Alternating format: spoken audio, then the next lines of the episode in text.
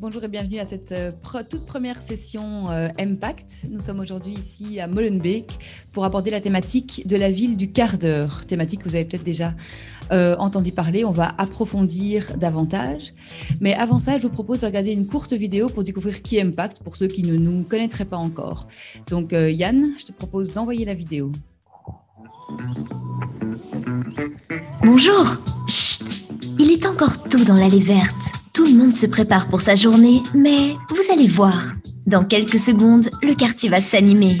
3, 2, Hey Taxi Stop existe depuis 1975. C'est plus de 45 ans d'expérience. Maintenant, Taxi Stop devient Impact. En partageant des véhicules, des trajets, des maisons, nous voulons faire plus avec moins. Impact s'adresse à tout le monde. Avec Cozy Wheels ou Cambio, Mobitwin ou les points mob, Carpool ou Homelink. Ensemble, nous créons Impact.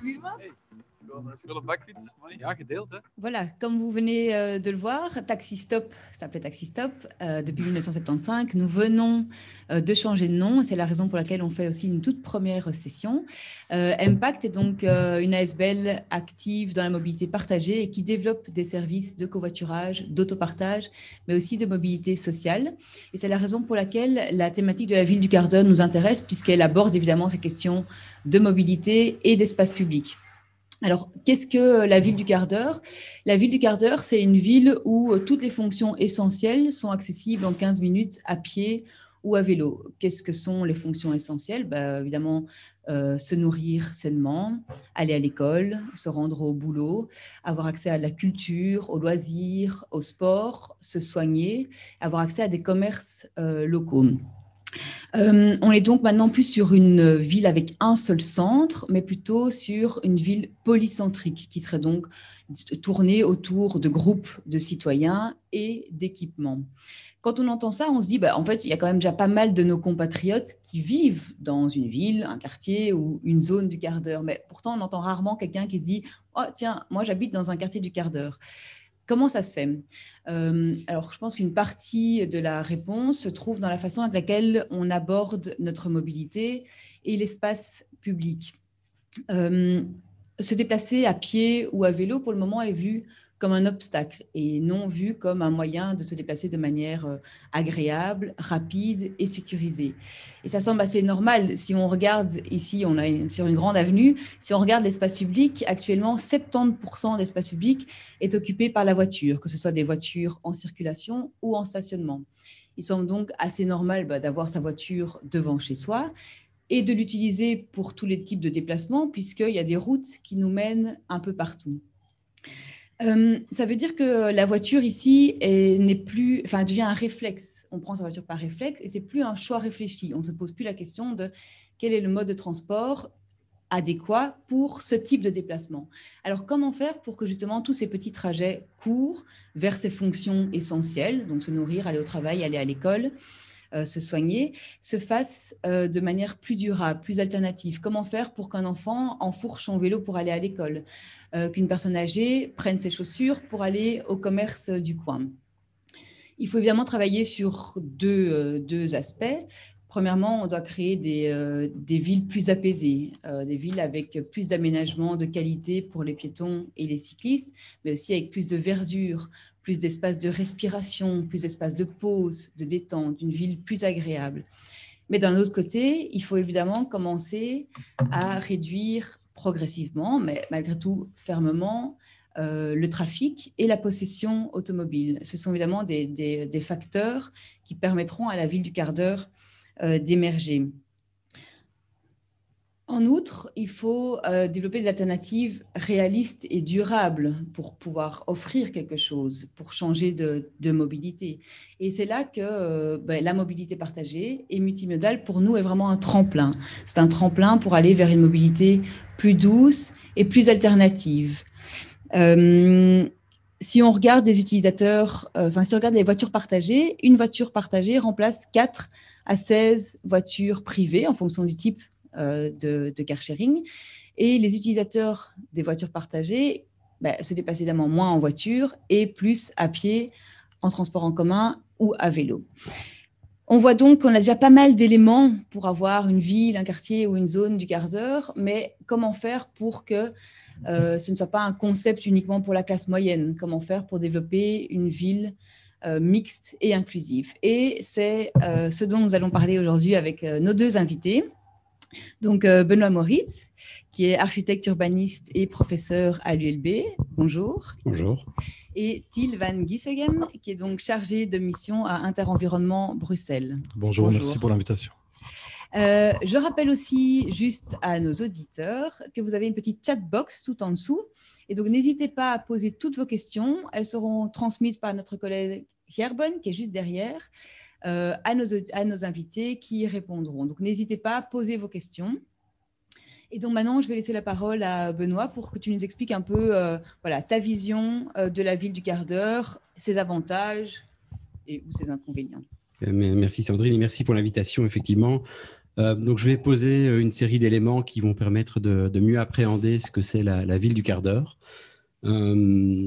et puis amener aussi quelques éléments d'appréciation par rapport à, ce concept. Et je pense que c'est aussi l'intérêt de la discussion euh, d'aujourd'hui.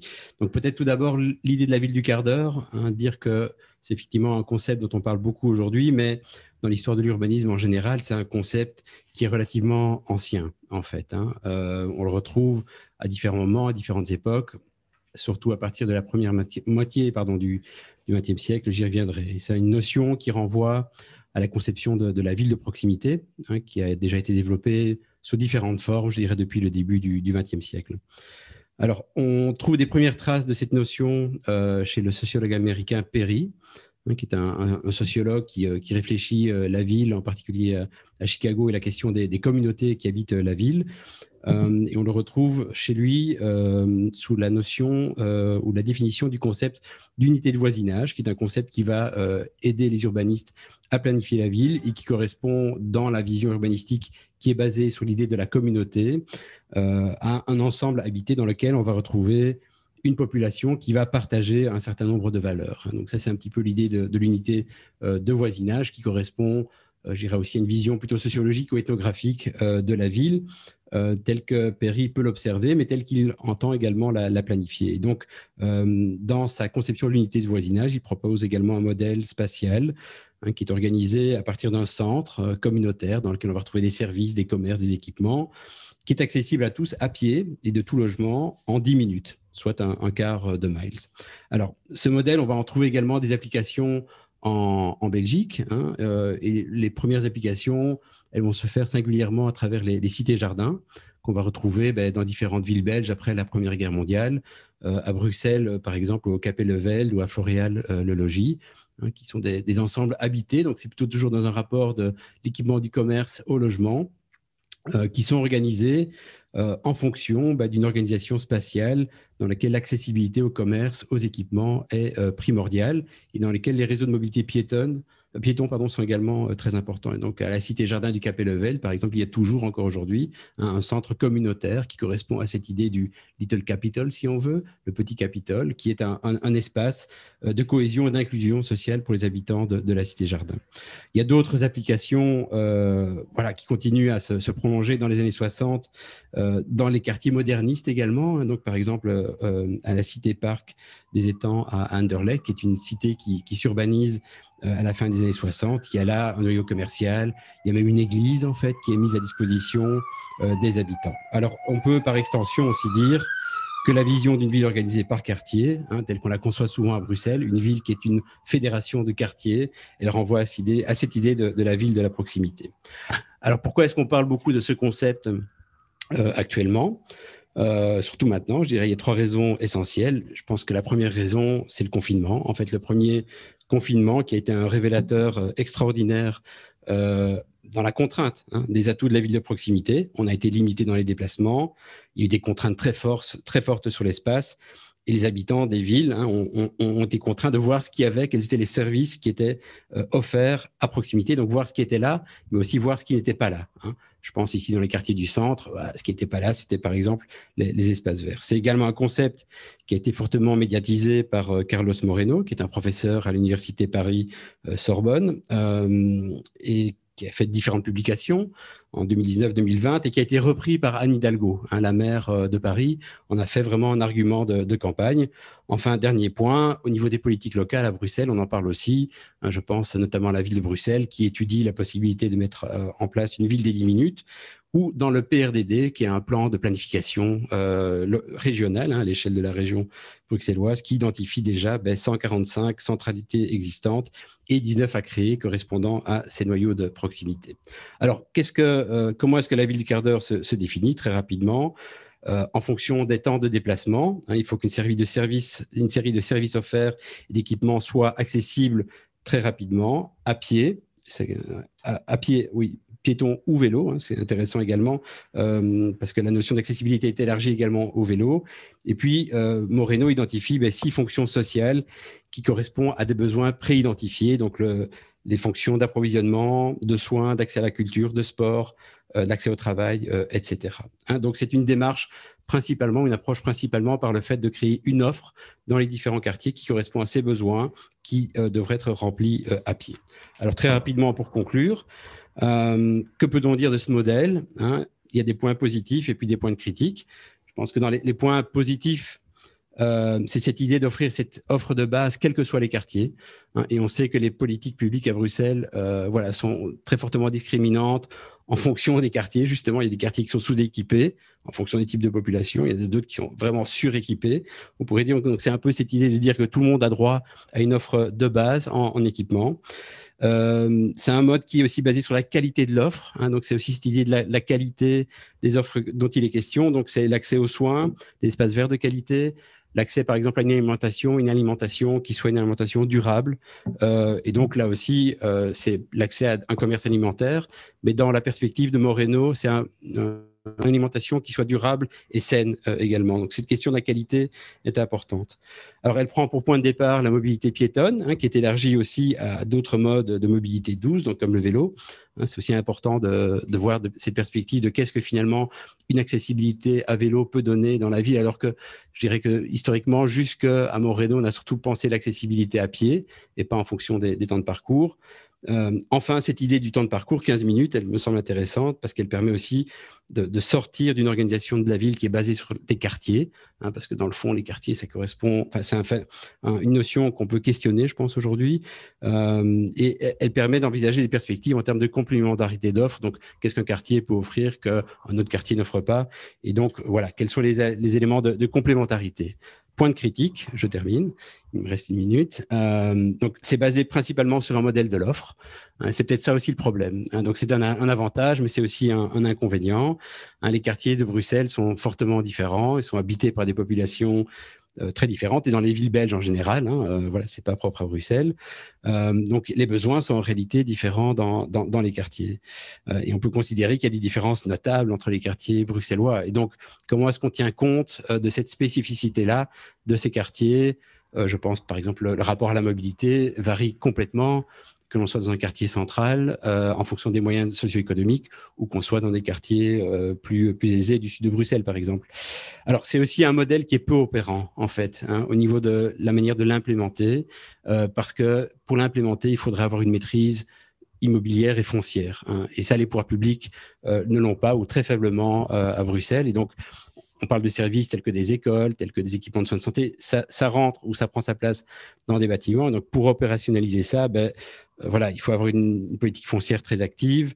Euh, et on sait qu'à Bruxelles, il y a une pression très forte euh, à partir du logement. donc voilà, l'opérationnalisation, comment est-ce qu'on rend ça concret, c'est vraiment une question. Autre point de critique, hum, l'offre en équipement, en service, elle dépend d'une multitude d'acteurs. Hein, euh, les communes, la région, euh, les communautés, mais aussi les acteurs privés. Hein. vous avez maintenant de la promotion immobilière qui fait des écoles, qui sont après vendues euh, à des pouvoirs publics. Mais donc là, on est vraiment dans une économie de marché. comment est-ce que cette économie de marché peut être coordonnée ou pas, elle ne, peut pas être coordonnée. Donc ça pose vraiment également un, problème. Enfin, peut-être dernier point, euh, c'est le localisme. Hein. Donc moi je pense que d'un point de vue euh, des habitants, beaucoup des quartiers sont des quartiers qui sont subis parfois, n'ont pas le choix d'habiter ailleurs en ville. Euh, et donc cette idée de tout trouver à proximité, de ne jamais sortir de ce quartier, c'est une question, une question qui me semble en termes de de, vécu pour certains habitants est, vraiment questionnable. Le fait de sortir du quartier, d'avoir accès à des services qui ne se trouvent pas dans le quartier, c'est également parfois un facteur d'émancipation sociale. Il me semble important justement de garder cette, cette dimension-là. Voilà, j'ai essayé d'être synthétique. Merci. Super, un grand merci euh, Benoît, c'était très intéressant. Euh, Thiel, je vais te laisser euh, la parole maintenant et aborder voilà, ton point de vue et je pense le côté social aussi un peu. Bah, donc moi qui travaille pour une association plutôt environnementale, quand on regarde les objectifs en fait de cette ville à 15 minutes, on en partage une grande partie, que ce soit la volonté de, de, limiter les déplacements en automobile pour euh, augmenter le déplacement à pied ou à vélo, que ce soit l'idée de développer du commerce de proximité plutôt que des centres commerciaux comme ça se fait encore maintenant, que ce soit l'idée de développer des équipements publics qui sont nécessaires dans les quartiers, euh, pas dans les quartiers, pardon, que ce soit les écoles, les crèches, euh, les équipements sportifs, que ce soit l'idée de construire des quartiers qui soient, euh, qui aient une mixité de fonctions et puis des quartiers monofonctionnels comme on a pu faire par le passé, ou encore d'utiliser par exemple d'avoir une mutualisation des espaces existants. Donc si par exemple on a une salle salle sportive d'école qui peut être mise à disposition le soir pour d'autres usages, plutôt que d'être dans des logiques de destruction, reconstruction, démolition, tout ça. Donc, ceci étant dit, il y a quand même deux grands points euh, critiques qu'on peut avoir, en tout cas que nous, on peut porter sur ce concept de ville euh, à 15 minutes. C'est d'une part euh, le fait qu'il faut prendre en compte les inégalités sociales, ça c'est une chose, et l'autre part, le fait que ce sont des grandes théories, alors ça c'est pas juste la ville à 15 minutes, mais que ce sont des grandes théories et qu'il faut prendre en compte les spécificités des, des quartiers. Alors je m'explique. Euh, quand on parle de, ville à 15 minutes, qui est un concept à la mode, même s'il est très ancien, comme l'a rappelé Benoît Moritz pour l'instant, ou de ville intelligente, ou de ville créative, en fait, ce sont des grandes théories qui viennent souvent de l'étranger, qu'on essaie de plaquer sur la réalité des quartiers, plutôt que de partir de la réalité des quartiers, d'essayer d'améliorer l'existant. Euh, en fait, il y a beaucoup de, de, problèmes urbains qui sont le résultant de choix politiques, de choix économiques, de choix sociaux, de choix historiques. Et on ne peut pas demander juste à des, des politiques d'aménagement du territoire de régler des problèmes qui sont beaucoup plus larges en fait que l'aménagement du territoire. Ça, c'est une chose. Donc, comme le dit Benoît Moritz, l'offre, c'est très intéressant, mais il faut aussi regarder les besoins. Donc, de savoir qu'il y a une école à 15 minutes du quartier, c'est intéressant, mais c'est mieux de savoir est-ce que cette école, elle est saturée? Est-ce qu'il y a des listes d'attente dans cette école? Comment ça se passe? Donc, aussi de s'intéresser pas seulement à l'offre, mais à la demande. Pareil, s'il y a une crèche, est-ce que c'est une crèche publique? Est-ce que c'est une crèche privée? Il faut vraiment mettre en balance la demande et l'offre et ne pas avoir euh, que la ville à 15 minutes soit une espèce de concept clé sur porte qu'on pourrait appliquer dans tous les quartiers. Les besoins à Kuregem, à Anderlecht ne sont pas les mêmes besoins qu'à Watermal-Boisfort, près de la place Wiener, par exemple. Alors, ça, c'est une chose. Sur les inégalités, il y a quand même un concept, euh, enfin, ce qui sous-tend un peu ce concept de ville à 15 minutes, c'est que le temps euh, devient un luxe aujourd'hui pouvoir euh, gagner du temps dans ses déplacements, c'est un capital au même titre qu'on pourrait dire un capital financier, un capital relationnel, et qu'il y a des inégalités dans la mobilité. Ces inégalités, elles ne sont pas forcément en termes de qui se déplace plus, qui se déplace moins, parce que tout le monde doit se déplacer aujourd'hui. C'est plus sur qui, sur qui a une maîtrise de ses déplacements. Donc plus on monte dans l'échelle sociale, en plus on va avoir en général une maîtrise de ses déplacements, c'est-à-dire que on peut habiter plus près de son boulot et avoir des déplacements qui sont moins longs. On peut se déplacer en dehors des heures de pointe et avoir plus de flexibilité sur ses horaires. Au plus on descend dans l'échelle sociale, au plus on subit quelque part sa mobilité. Euh, donc ça, c'est quelque chose qu'il faut garder, euh, garder en tête, je pense. Et en plus, à Bruxelles, on est dans un contexte quand même où les choix de... Enfin, c'est sûr que avoir recours aux services... Euh, est une partie des de, déplacements, de la mobilité, mais les déplacements restent quand même fortement déterminés par l'endroit où on vit et l'endroit où on travaille. Et l'endroit où on vit et l'endroit où on travaille sont à Bruxelles. On est dans un contexte quand même, on a une augmentation continue des loyers, où on a euh, une pénurie de construction de logements sociaux avec 50 000 ménages qui sont sur des listes d'attente, où on a une économie qui se développe de plus en plus vers le service et qui renvoie de plus en plus les emplois ouvriers en périphérie de la ville. Et donc, pour toute une série de personnes, ça devient plus compliqué de, de, loger en ville, ce qui fait que le risque, c'est que ce concept de ville à 15 minutes devienne effectivement quelque chose pour les gens qui ont la chance de pouvoir travailler dans le quartier euh, où ils vivent, où leurs, écoles, euh, leurs enfants vont à l'école, où ils vont chez le médecin, où ils vont faire les courses, ce qui n'est pas donné à tout le monde. Ceci étant dit, à Bruxelles, il y a quand même une spécificité qui n'est pas pas la même qu'à Paris. C'est-à-dire qu'à Paris, la plupart des quartiers populaires sont extramuros de l'autre côté du périphérique, ce qui n'est pas le cas à Bruxelles. À Bruxelles, on a le croissant pauvre avec toute une série de communes, le bas de Forêt, le bas de Saint-Gilles, une partie du Pentagone, une partie d'Anderlecht, une Saint-Josse, qui sont des communes qui sont au centre-ville, qui qui sont une vraie centralité populaire. Et on pourrait dire quelque part que ces communes sont dans les endroits qui rassemblent une grande quantité de services et que ça pourrait déjà être une ville à 15 minutes en fait. Et donc c'est ça le risque de vouloir plaquer une grande théorie euh, sans regarder ce qui existe déjà, ce serait de, et de ne pas prendre en compte les inégalités sociales, parce qu'on est dans un contexte où il y a des politiques de gentrification qui sont en place, où il y a une hausse des loyers, euh, et ce serait de remplacer la ville à 15 minutes existante par une nouvelle ville à 15 minutes existante qui s'adresse à un autre public. Donc, si on veut vraiment faire une ville à 15 minutes qui s'adresse à tout le monde, ça demande de faire des choix politiques et de faire des choix politiques sur le logement. Euh, en grande partie, parce que voilà, c'est là, pour moi, un des nœuds du problème, c'est le, logement à Bruxelles. donc voilà, ne pas perdre de vue que ce sont des choix politiques et pas juste des, plans euh, dénués d'enjeux politiques.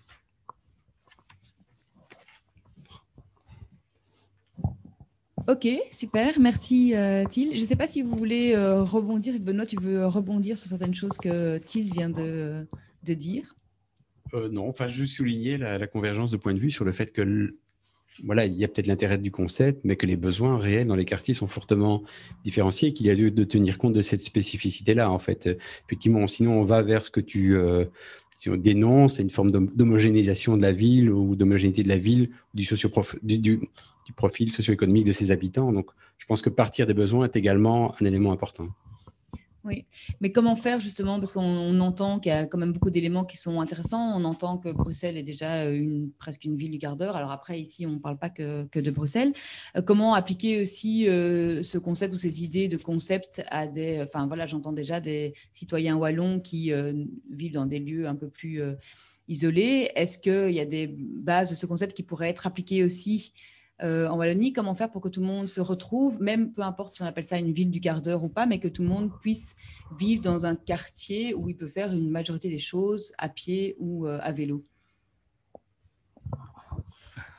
Bah, Je, pense que la réalité à Bruxelles n'est pas du tout la même qu'en Wallonie euh, et que en fait, comme je le disais tout à l'heure, il y a des, choix qui sont des, les problèmes qu'on a aujourd'hui sont le résultat de choix politiques qui ont été posés en amont et donc, euh, il y a une réelle dépendance à la voiture aujourd'hui, particulièrement en Wallonie, où l'aménagement du territoire a été conçu comme ça.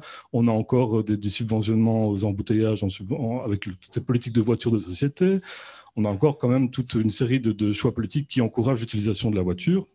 Et ce n'est pas juste en décrétant des politiques d'aménagement du territoire, en disant on va restreindre la place de la voiture, que les choses vont changer. C'est des problèmes qui sont très complexes donc, comme je le disais, je pense que ce n'est pas un concept qu'on peut prendre et mettre comme ça n'importe où. Il faut vraiment s'intéresser aux spécificités locales.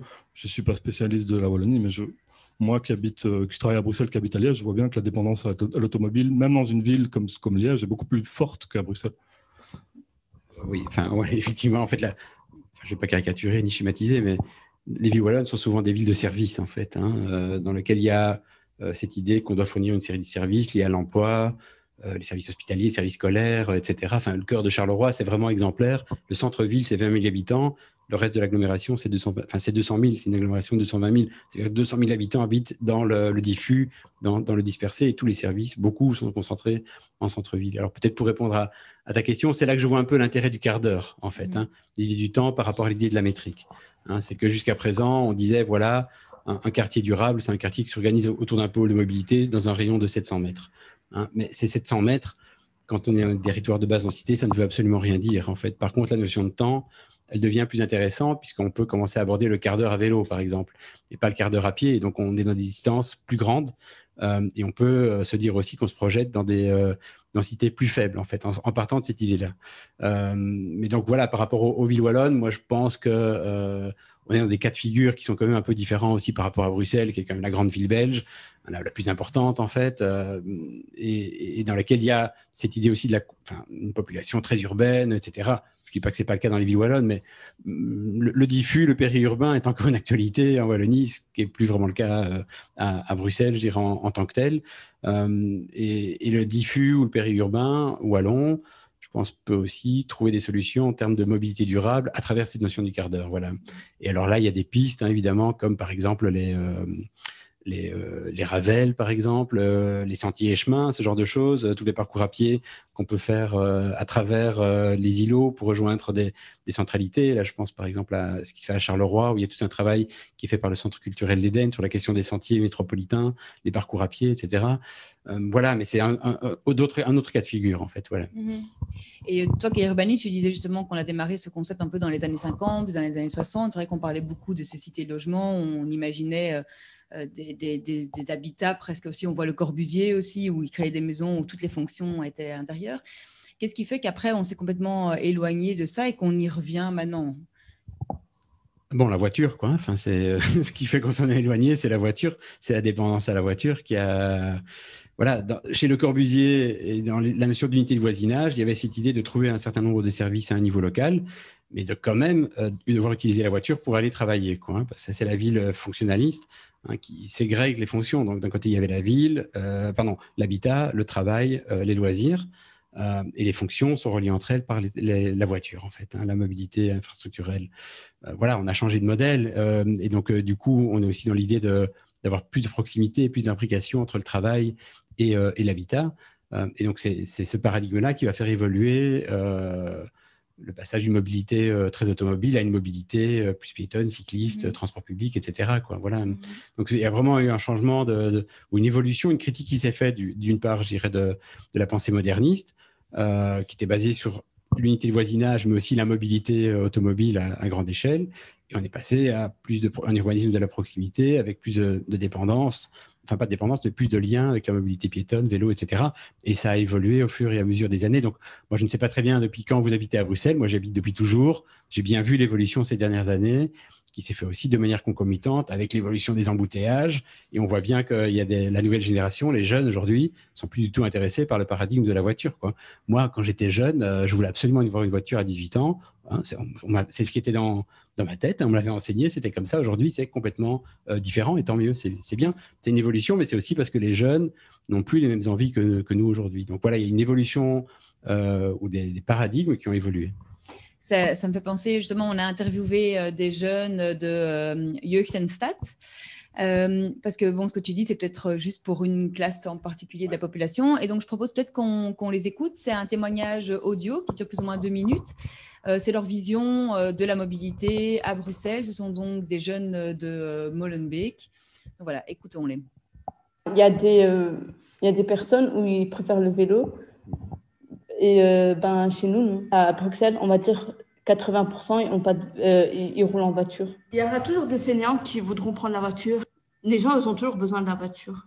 Ça ne sert à rien de, de, créer des zones piétonnes. Mais il y aura toujours des gens qui vont prendre la voiture pour aller au taf, tu vois. Mhm. Parce que la Belgique, c'est petit. Il y a quelqu'un, il habite à Bruxelles, il va travailler en Wallonie. Et sur leur chemin, il va avoir des, des zones piétonnes, tout ça.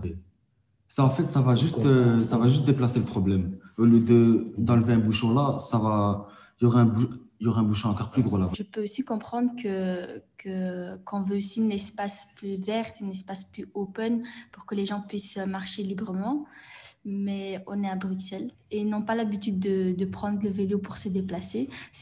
Mais pour faire les courses, il faut savoir qu'il y a des familles, elles sont nombreuses. On ne peut pas y aller faire les courses. Même si Lidl, c'est cinq minutes à côté, on ne peut pas y aller faire les courses avec, euh, avec un plastique, c'est impossible. On doit prendre des grandes caisses et ça, il faut la voiture obligée. Ici, il y a trop de voitures. Ce n'est pas, pas uniquement les Bruxellois, mais c'est des gens qui viennent de Wallonie et de Flandre, qui viennent travailler à Bruxelles en fait, avant, quand c'était à l'époque, la campagne, tout ça, l'État, en, gros, les constructeurs, ils nous ont vendu la voiture comme un truc révolutionnaire de fou. On peut se déplacer partout, c'est illimité, c'est liberté. Et maintenant, on essaie de bloquer la voiture partout les moyens. Les voitures Euro 4, Euro 3, ils les enlèvent de la circulation à Bruxelles. Mais en vrai, toi et moi, on sait très bien que Euro 3, Euro 4, c'est pas un ingénieur aéronautique qui va l'acheter un ingénieur aéronautique, s'il a envie d'acheter une nouvelle voiture, il va l'acheter normal. Mais par contre, c'est quelqu'un, un éboueur, un employé, tu vois, un prof, c'est des gens comme ça, c'est eux, ils n'ont pas les moyens de s'acheter des, des, nouvelles voitures, tu vois. Voilà, donc euh, je trouve beaucoup de, remarques très pertinentes euh, de ces jeunes. Quelle est leur image de la mobilité? A priori, ce sont des jeunes qui habitent à Molenbeek. Donc, euh, bah, Molenbeek, c'est quand même très dense. Donc, ils habitent déjà dans un quartier du quart d'heure. Ils, ils pourraient tout faire à pied. donc là, on voit qu'on est un peu en contradiction avec évidemment ce qu'on disait, bah, les jeunes aujourd'hui dans les grandes villes, ils ont moins le réflexe voiture. Ici, on entend que bah, la jeune fille, au départ, elle dit, voilà, il y a des gens qui aiment prendre le vélo, mais dans notre communauté, non. C'est la voiture. Donc voilà, qu'est-ce qu'on peut, comment est-ce qu'on peut aussi désacraliser ce mythe de la voiture dans les endroits où c'est faisable de se déplacer autrement qu'en voiture? Euh, bah, je pense que dans ce qui a été dit, il y a beaucoup de choses qui sont intéressantes. Déjà, le fait qu'il y il y a plus de la moitié des Bruxellois qui n'ont pas de voiture, qui est un chiffre qui est quand même en augmentation constante. Euh, donc ça, il faut quand même pouvoir le noter. Après, ce qu'elle disait sur le fait que ce sont surtout les nafteurs qui viennent à Bruxelles en voiture et qui roulent en voiture à Bruxelles, mais qui n'habitent pas à Bruxelles c'est en partie vrai, mais il y a quand même beaucoup de Bruxellois qui utilisent leur voiture pour faire des petits, euh, des petits déplacements de moins de 3 km qui pourraient très bien être faits euh, de manière alternative. Quoi. par rapport à ce que disait la dernière personne sur le fait qu'on prend des mesures aussi environnementales euh, contre la voiture aujourd'hui, je pense qu'il faut vraiment que ces mesures environnementales soient couplées à une attention sociale, pas juste qu'on prenne des mesures environnementales et puis qu'après on vienne rajouter des petits correctifs sociaux derrière. Parce que sinon ça envoie vraiment un message que l'écologie, c'est pour ceux qui ont les moyens, et, ça met toute une partie de la, population sur le côté. Et quand, quand on voit, bon, c'est très bien qu'il y ait une low emission zone à Bruxelles euh, vis-à-vis de la qualité de l'air, euh, mais en même temps, quel est un des effets de cette low emission zone C'est de faire tourner le marché automobile en disant racheter une nouvelle voiture pour pouvoir circuler à Bruxelles. Même quand on va vers aujourd'hui, j'aurais des politiques pour avoir, euh, ça vous le savez peut-être mieux que moi, mais pour favoriser la voiture électrique, il me semble que c'est très peu accompagné d'une réflexion sur les véhicules partagés. Euh, que si on veut changer la mobilité, il faut aussi réfléchir en termes de véhicules partagés, pas juste de remplacer tout le parc automobile privatif existant par un parc automobile euh, qui soit électrique euh, sur le même modèle, ce n'est pas une solution. Donc tous ces enjeux sont hyper compliqués, hyper complexes. Dans les quartiers effectivement de Molenbeek, un quartier très dense, là il y a un manque de enfin, je sors un peu de la mobilité, c'est plutôt le manque d'espace vert aussi qui se fait, qui se fait fortement ressentir. Parce qu'il y a un truc aussi, quand je me renseignais sur ce concept de ville à 15 minutes, il y a cette volonté de ne pas, euh, de pas forcément construire des nouvelles choses, de, partir sur l'existant. Et je pense qu'il faut faire attention. Aujourd'hui, moi qui travaille avec des communautés de quartier, on entend souvent il faut construire la ville sur la ville et laisser le, les espaces verts verts. Euh, ce qui je comprends tout à fait cette intuition-là, euh, mais il faut faire attention à ne pas reproduire les inégalités spatiales qui existent déjà aujourd'hui, parce qu'il y a beaucoup d'espaces verts en deuxième couronne et il y a des quartiers très denses au centre-ville, et que si on continue à construire dans les quartiers qui sont déjà denses qu'on ne construit pas dans les quartiers qui sont plus verts, bah on, va on, va, on va continuer à accentuer ces, inégalités euh, spatiales qu'il y a aujourd'hui. Voilà, je, je, un peu, je peux vraiment répondre à ta question, excuse-moi. Non, non, il n'y a pas de souci, c'est bien, c'était euh, J'aime beaucoup le, le, jeune qui dit qu'on euh, nous a vendu la voiture comme un rêve, comme un truc de fou révolutionnaire. Euh, on nous a dit allez-y, prenez la voiture. On a vu qu'on a construit une ville, on a construit la Belgique sur ce rêve, sur cet accès euh, en voiture. Et maintenant, voilà, on demande à tout le monde de s'en débarrasser, on le bloque partout. Qu'est-ce qu'on peut dire Qu'est-ce qu'on peut répondre à un jeune comme ça? Il a raison. c'est exact. Enfin, pour rejoindre euh, un des éléments que tu as mis en avant, il y a eu des politiques publiques qui ont favorisé l'utilisation de la voiture euh, à partir des années 50, euh, par exemple. Et ça remonte plus loin, en fait. Hein, la, politique du pavillonnaire et du belge propriétaire qui a amené à favoriser la maison comme la maison individuelle avec jardin et garage après comme étant l'habitat idéal du belge. Ça résulte d'une politique volontariste qui a été menée en Belgique dès le 19e siècle et qui euh, s'est accentué encore après les années 50 euh, avec ce qui est appelé la loi de taille, qui a favorisé en fait l'accession à la propriété, à la petite propriété. Donc on a vraiment il y a des politiques très volontaristes menées au niveau de l'État belge pour favoriser l'utilisation des voitures en lien avec le logement. On a construit des autoroutes. Il ne faut pas aussi oublier que la Belgique était un pays euh, constructeur de voitures. Hein. il y avait des, des grandes marques en fait qui avaient des, usines. Hein. je pense qu'elles sont presque toutes parties sauf euh, Audi, mais donc euh, il y avait Ford à Genk, il y avait Opel à, Gand, euh, il y avait Renault à Villevorde, il y avait VW à Forêt, il y a encore Audi maintenant. Enfin, ça faisait aussi partie de tout un, système économique en fait. Hein. donc voilà, tout ça pour dire que voilà, il y, a, eu à un moment donné une volonté politique que la voiture soit le mode de transport et tout a été fait pour qu'elle soit utilisée de façon privilégiée alors, ça reste encore un petit peu le cas aujourd'hui. Hein, c'est pas tout à fait fini, en fait, cette politique-là. elle est peut-être un peu moins coordonnée, elle est peut-être plus décoordonnée, je dirais, entre régions. parfois, même dans une même région, on voit des, attitudes différentes. mais voilà, donc aujourd'hui, on voit qu'il y a des évolutions, des changements de paradigme. À Bruxelles, c'est clairement plus le cas. On ne peut plus adapter la ville et la voiture. On va, plus, on va plutôt favoriser les espaces publics. voilà, changer de paradigme. Mais ça, ça fait longtemps qu'on l'a quand même changé, je pense. Euh, même s'il y a encore des discussions. Euh, mais donc euh, oui, on a dit qu'il fallait acheter beaucoup de voitures. C'était un signe aussi d'émancipation sociale. Ça l'est plus aujourd'hui, je pense. Enfin, ça dépend pour qui peut-être. Mhm. Hein, ça c'est peut-être à creuser. mais voilà, il y a une évolution dans, dans, le paradigme. Mais les politiques publiques ont évolué et on voit bien qu'à l'échelle de la Belgique, voilà, Bruxelles a une politique assez volontariste, que ce soit par rapport à la low emission zone, la zone 30, etc., qui ne s'accorde pas peut-être avec les volontés politiques des autres régions, mais c'est quand même une politique qui, qui, avance et qui s'implémente. Je trouve ça plutôt bien, en fait, par rapport à l'attractivité de la ville, enfin, son habitabilité, plutôt de l'attractivité hein, pour les habitants de Bruxelles en termes d'égalité sociale. Je pense que c'est important qu'ils ne soient pas forcément pollués par les autres, en fait. Hein, et on est dans un modèle, effectivement, euh, qui est intéressant, euh, dans lequel euh, les centres anciens ou les, quartiers densément habités présentent une certaine diversité sociale, je dirais.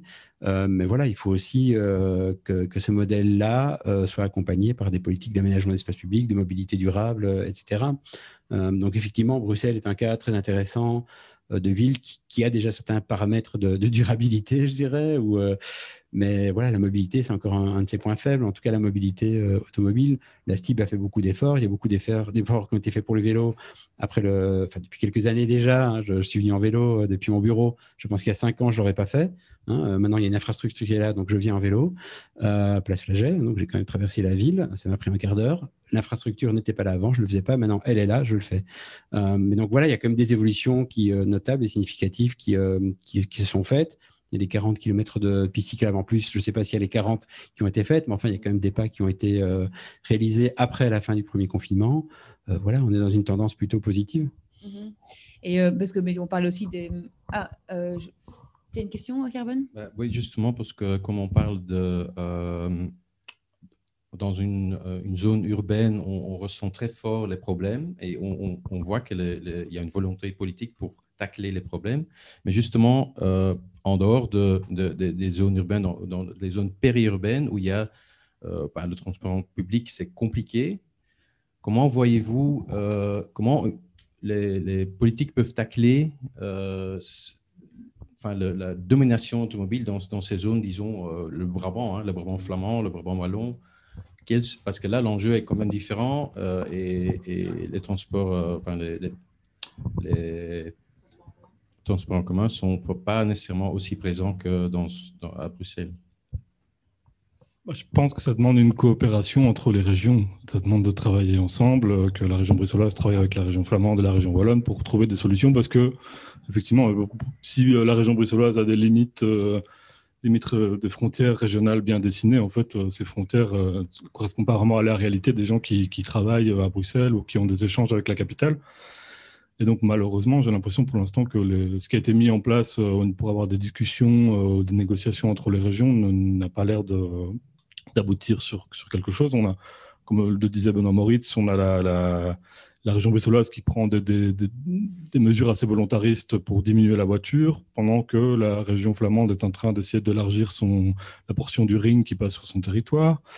Euh, la région bruxelloise voudrait créer des parkings de dissuasion pour que les gens laissent leur voiture euh, à l'entrée de Bruxelles, mais faute d'accord avec la région flamande, elle est obligée de mettre ces parkings de dissuasion à l'intérieur de ces régions, ce qui n'a pas beaucoup de sens, parce qu'il faudrait que les gens laissent leur voiture bien en amont.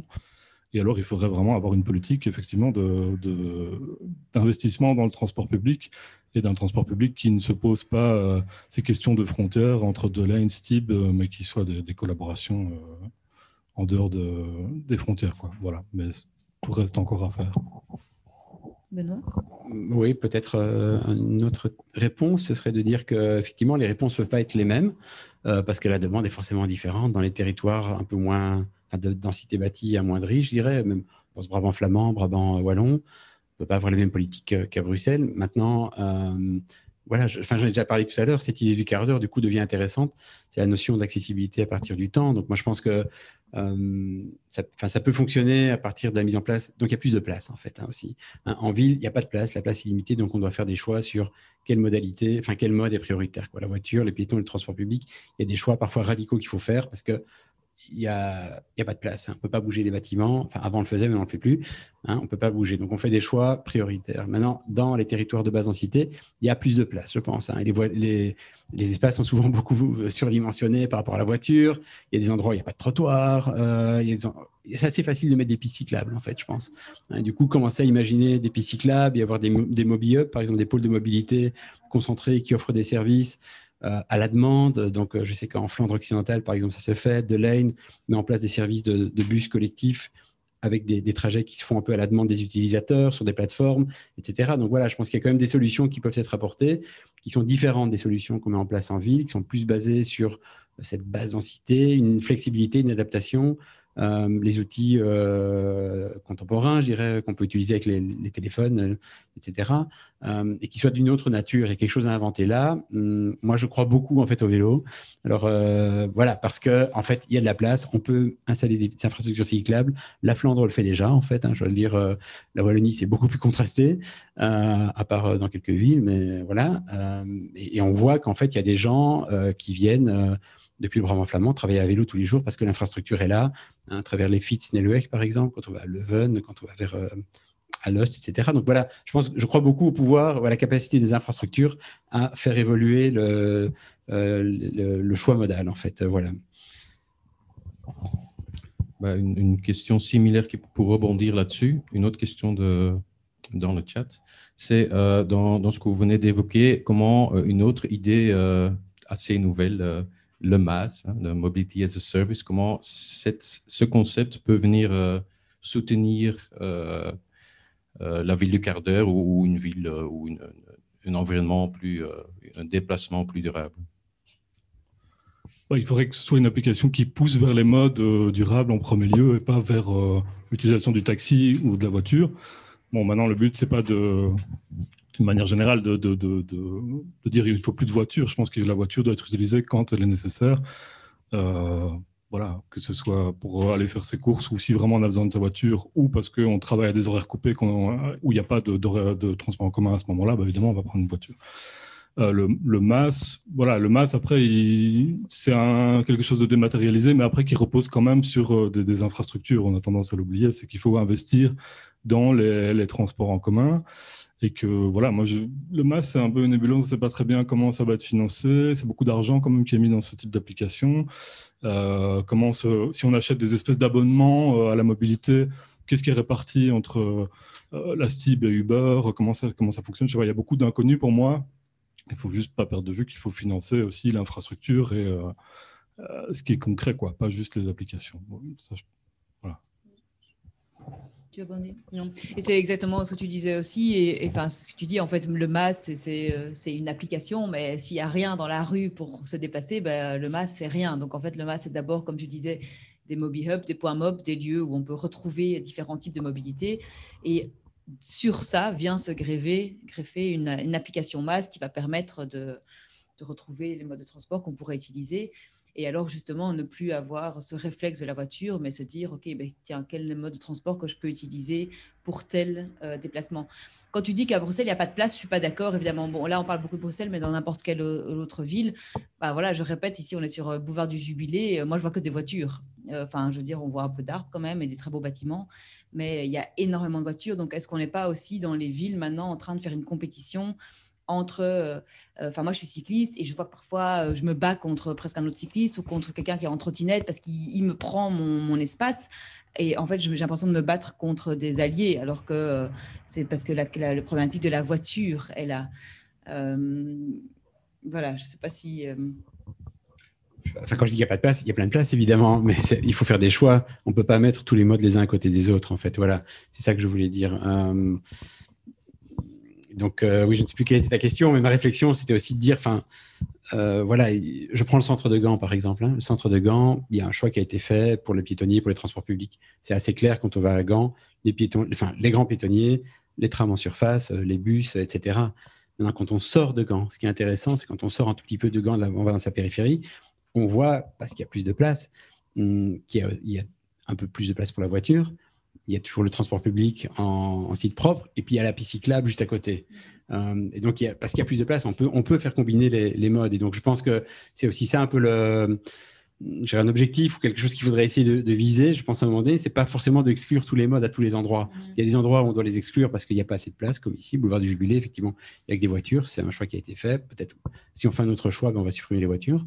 Mais il y a des endroits où on peut arriver à combiner les modes les uns à côté des autres. Donc, je pense que dans les territoires de basse densité, il y a plus d'espace. Alors, plus d'espace, plus d'endroits où on peut mettre les infrastructures et les combiner les unes à côté des autres.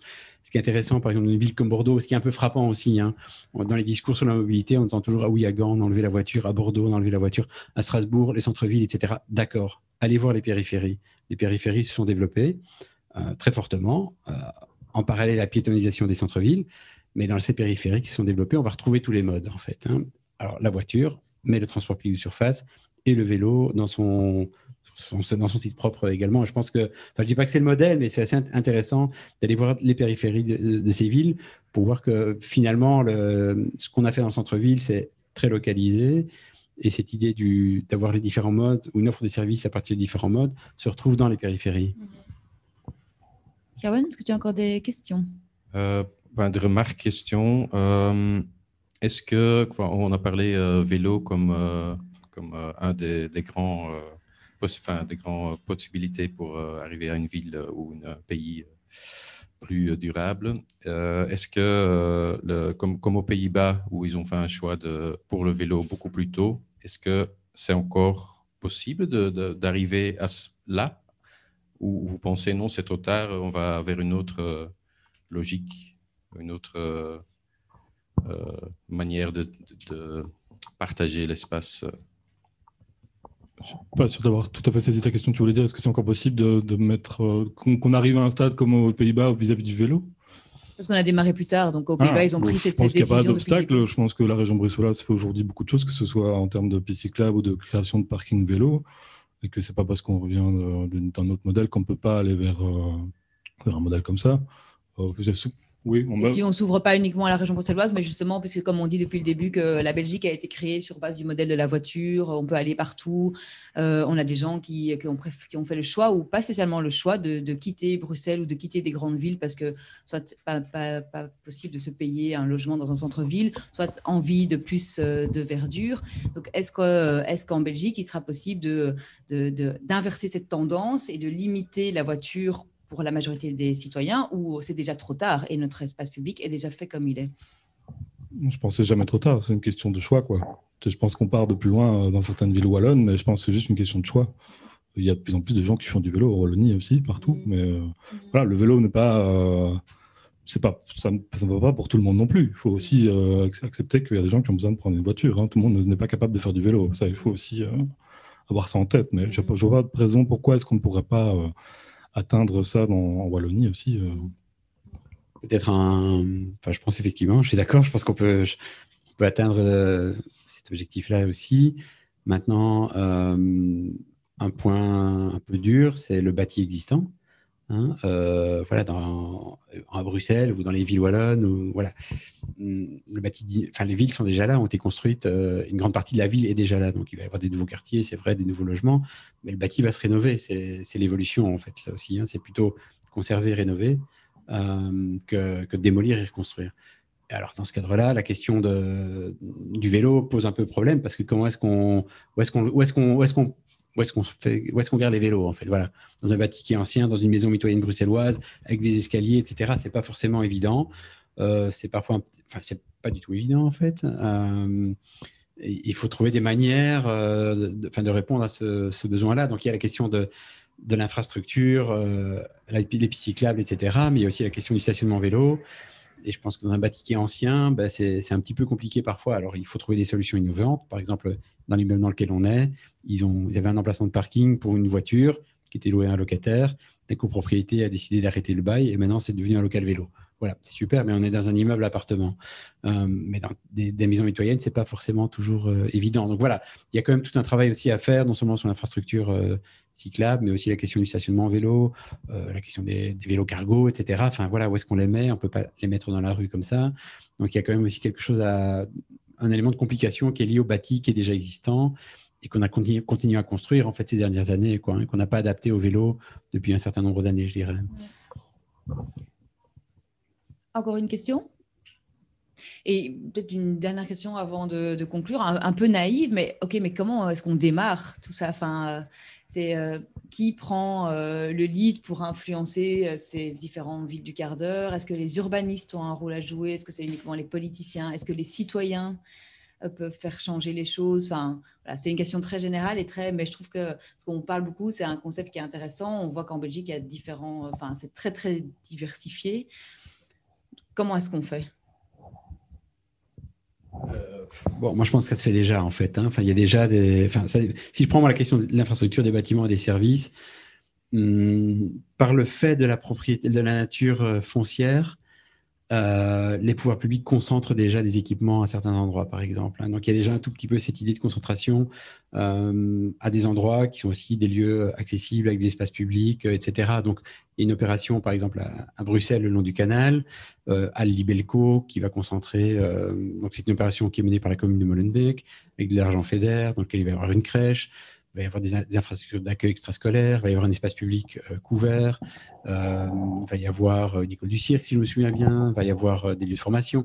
Voilà, il y a déjà, disons, cette idée un tout petit peu que j'avais évoquée avec le Little Capitol, hein, pour revenir à Péry et, le début du XXe siècle, elle se fait déjà un petit peu de facto dès qu'il y a une opportunité de la faire par les pouvoirs publics.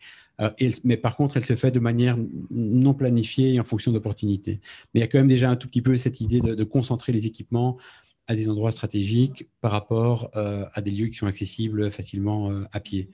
Euh, mais voilà, ça ne se fait pas partout non plus. Je pense que les citoyens ont aussi un, rôle très important à, jouer par rapport à ça, et surtout à Bruxelles, où on sait que les associations, les collectifs sont, très importants, sont très actifs et arrivent à influencer les politiques publiques. Donc, je pense que les citoyens ont également leur, leur rôle à jouer.